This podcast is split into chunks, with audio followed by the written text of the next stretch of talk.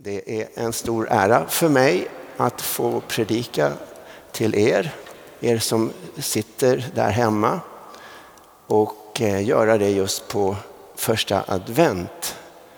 Eh, vanligtvis så brukar kyrkoherden, direktorn, predika första advent men eh, Mats ville att jag skulle få göra det. Annars så har jag ofta predikat på andra advent. Och advent det betyder ankomst. Och vad är det då för ankomst som det handlar om? Ja, man misstänker ju eftersom advent ligger före jul att det handlar om Jesu första ankomst. När han förutsagd av olika profeter kom att födas i ett stall och kom till jorden och började sen uppträda. Men eh, Jesus har redan kommit och det är dubbelt så många texter i Bibeln som handlar om att Jesus också kommer att komma tillbaka som refererar till den händelsen mot vad det är texter som talar om att han skulle komma in i världen och födas. Så texter och sånger handlar också mycket under adventstiden om Jesu återkomst. Några eh, få kapitel senare så eh, blir Jesus ledsen eh, över att eh, han då inte blir mottagen i Jerusalem. Och eh, han säger till staden, ni ser mig inte mer förrän den dag ni säger välsignad är han som kommer i Herrens namn. Så när Jerusalems befolkning en dag eh, kommer att Eh, utropar utropa detta på nytt som man gjorde då Jesus red in, då kommer det vara en dag eh, nära när Jesus också ska komma tillbaka en andra gång. Eh, Jesus blev efter den här händelsen när han red in på en åsna, efter en vecka så var han oskyldigt dömd och avrättad eh, och hade också uppstått.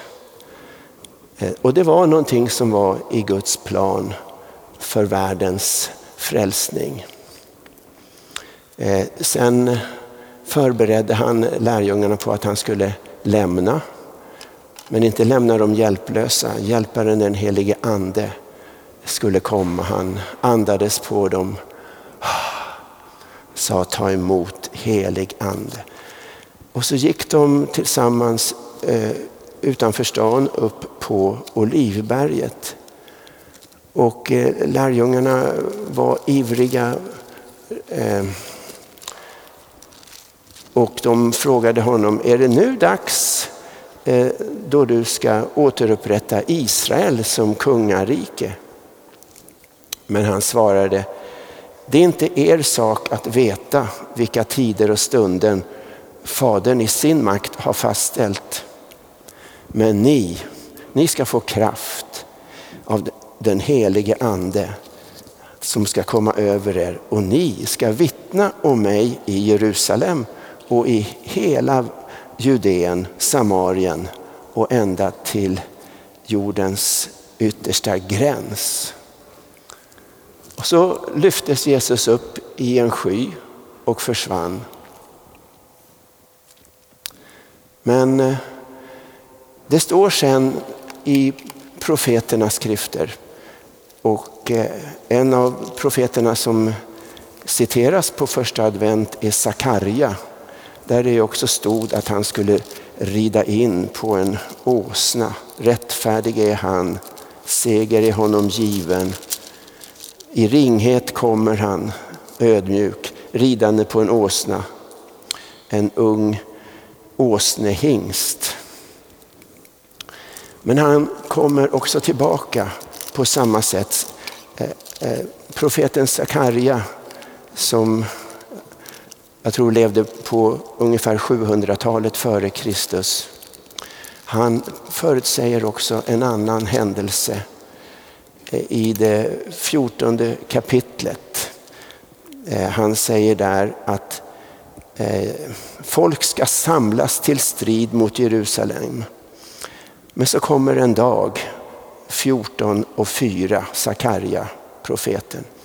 Den dagen skall han stå med fötterna på Olivberget som ligger invid Jerusalem på östra sidan. Eh, och också hade just eh, två änglar, två män kommit inför lärjungarna när de stod och undrade vart Jesus drog och tog vägen när han lyftes upp i ett moln. Då sa de, denne Jesus som har lyfts upp, han ska komma tillbaka så som det är sagt.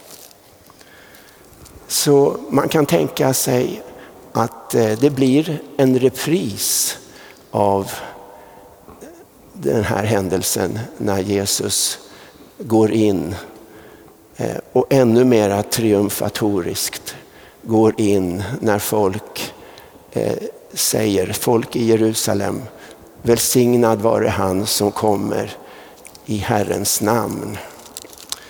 Och Hosanna betyder egentligen Eh, fräls eller rädda oss. Så det är spännande att se eh, hur de profetiska texterna har uppfyllts men också kommer att fullbordas och uppfyllas helt.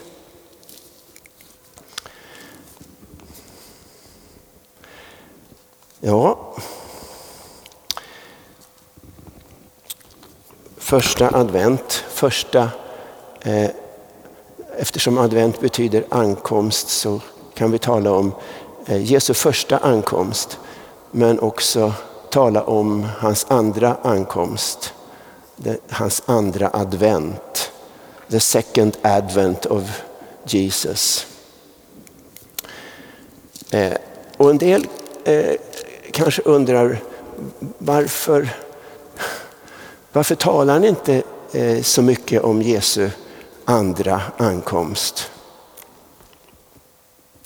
Ja, då kan man faktiskt eh, säga att eh, hans första ankomst eh, var så genom eh, omvälvande och skakade om så väldigt mycket så jag har inte hunnit riktigt ta in allt och hämtat mig ännu.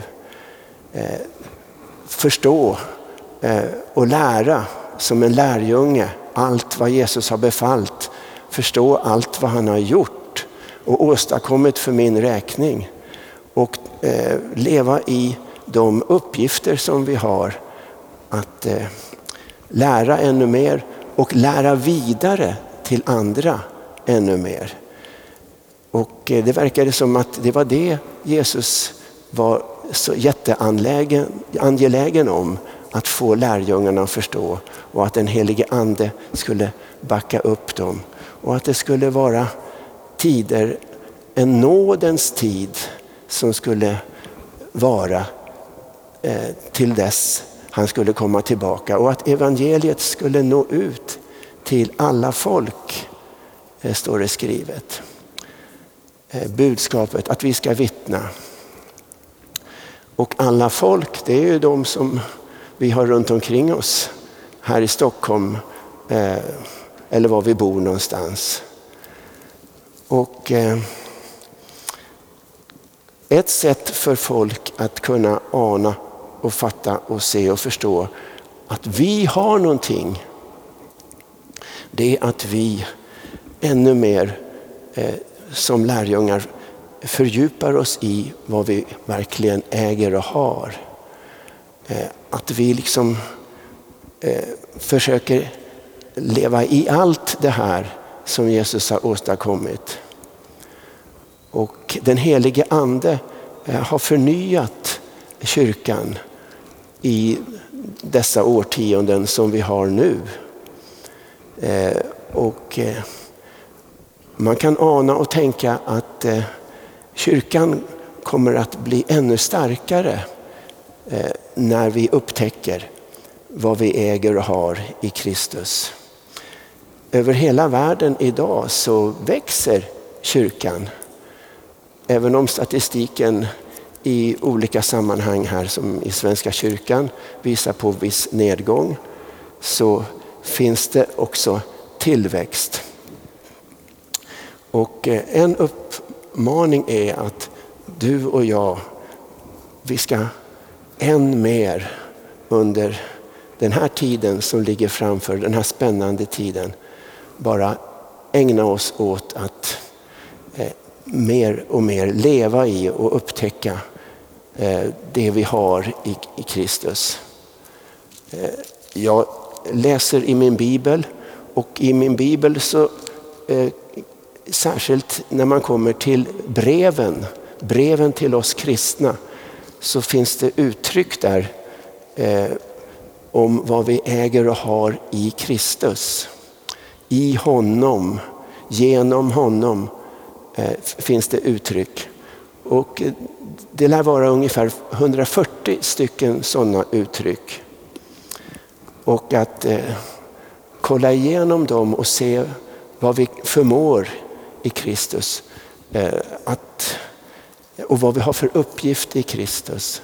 Det är någonting som stärker oss väldigt mycket. Eh, jag brukar eh, vid sidan om Bibeln också läsa i några häften som visar på sådana där bibelord.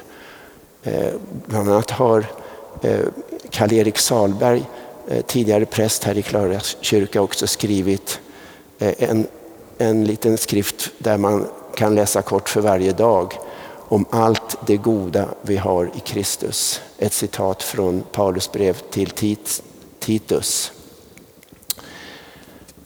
Eh, och då blir det så att eh, vi får mer kunskap och vi får mer ljus.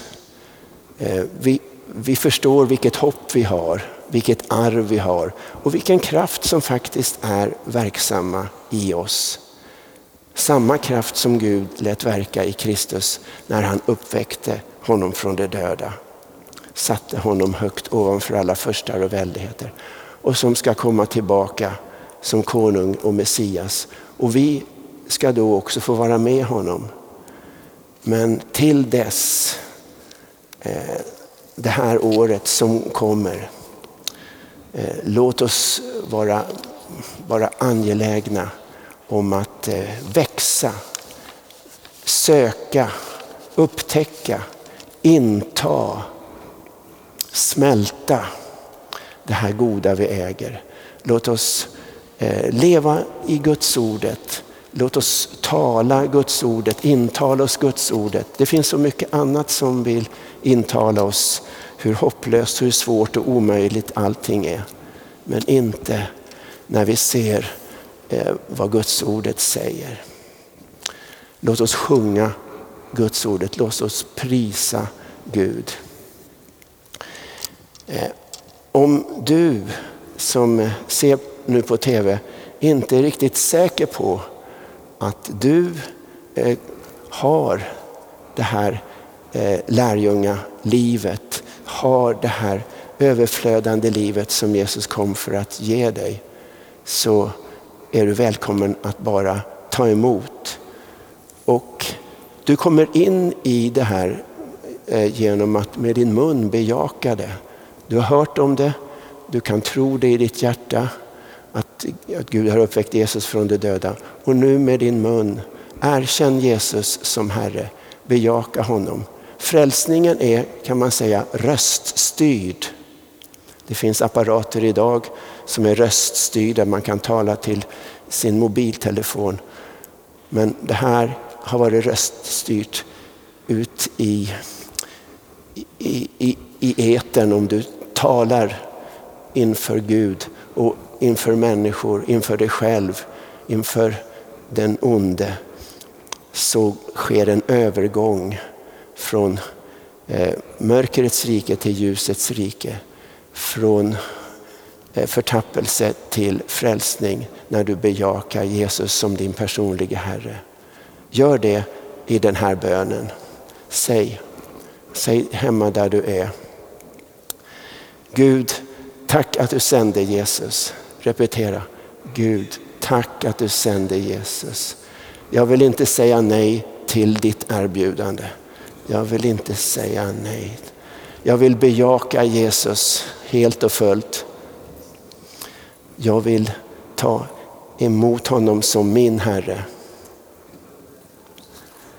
Tack att du gör mig till en ny människa. Och att du förlåter alla mina synder. Har du bett den bönen, då gäller det som är Guds löften för att bli räddad och att ha evigt liv. Och börja upptäcka och leva i den här spännande nådatiden. Och se fram emot allt det vi också ska få se hända. Eh, nu lever vi tro, men vi får leva redan nu Eh, och vara lika honom eh, redan i den här tiden. Identifiera oss med Jesus, hans kärlek och nåd och förlåtelse och kraft. Välkommen. Välkommen eh, att komma till kyrkan så småningom och vara tillsammans. Ta kontakt med oss, ta kontakt med andra kristna.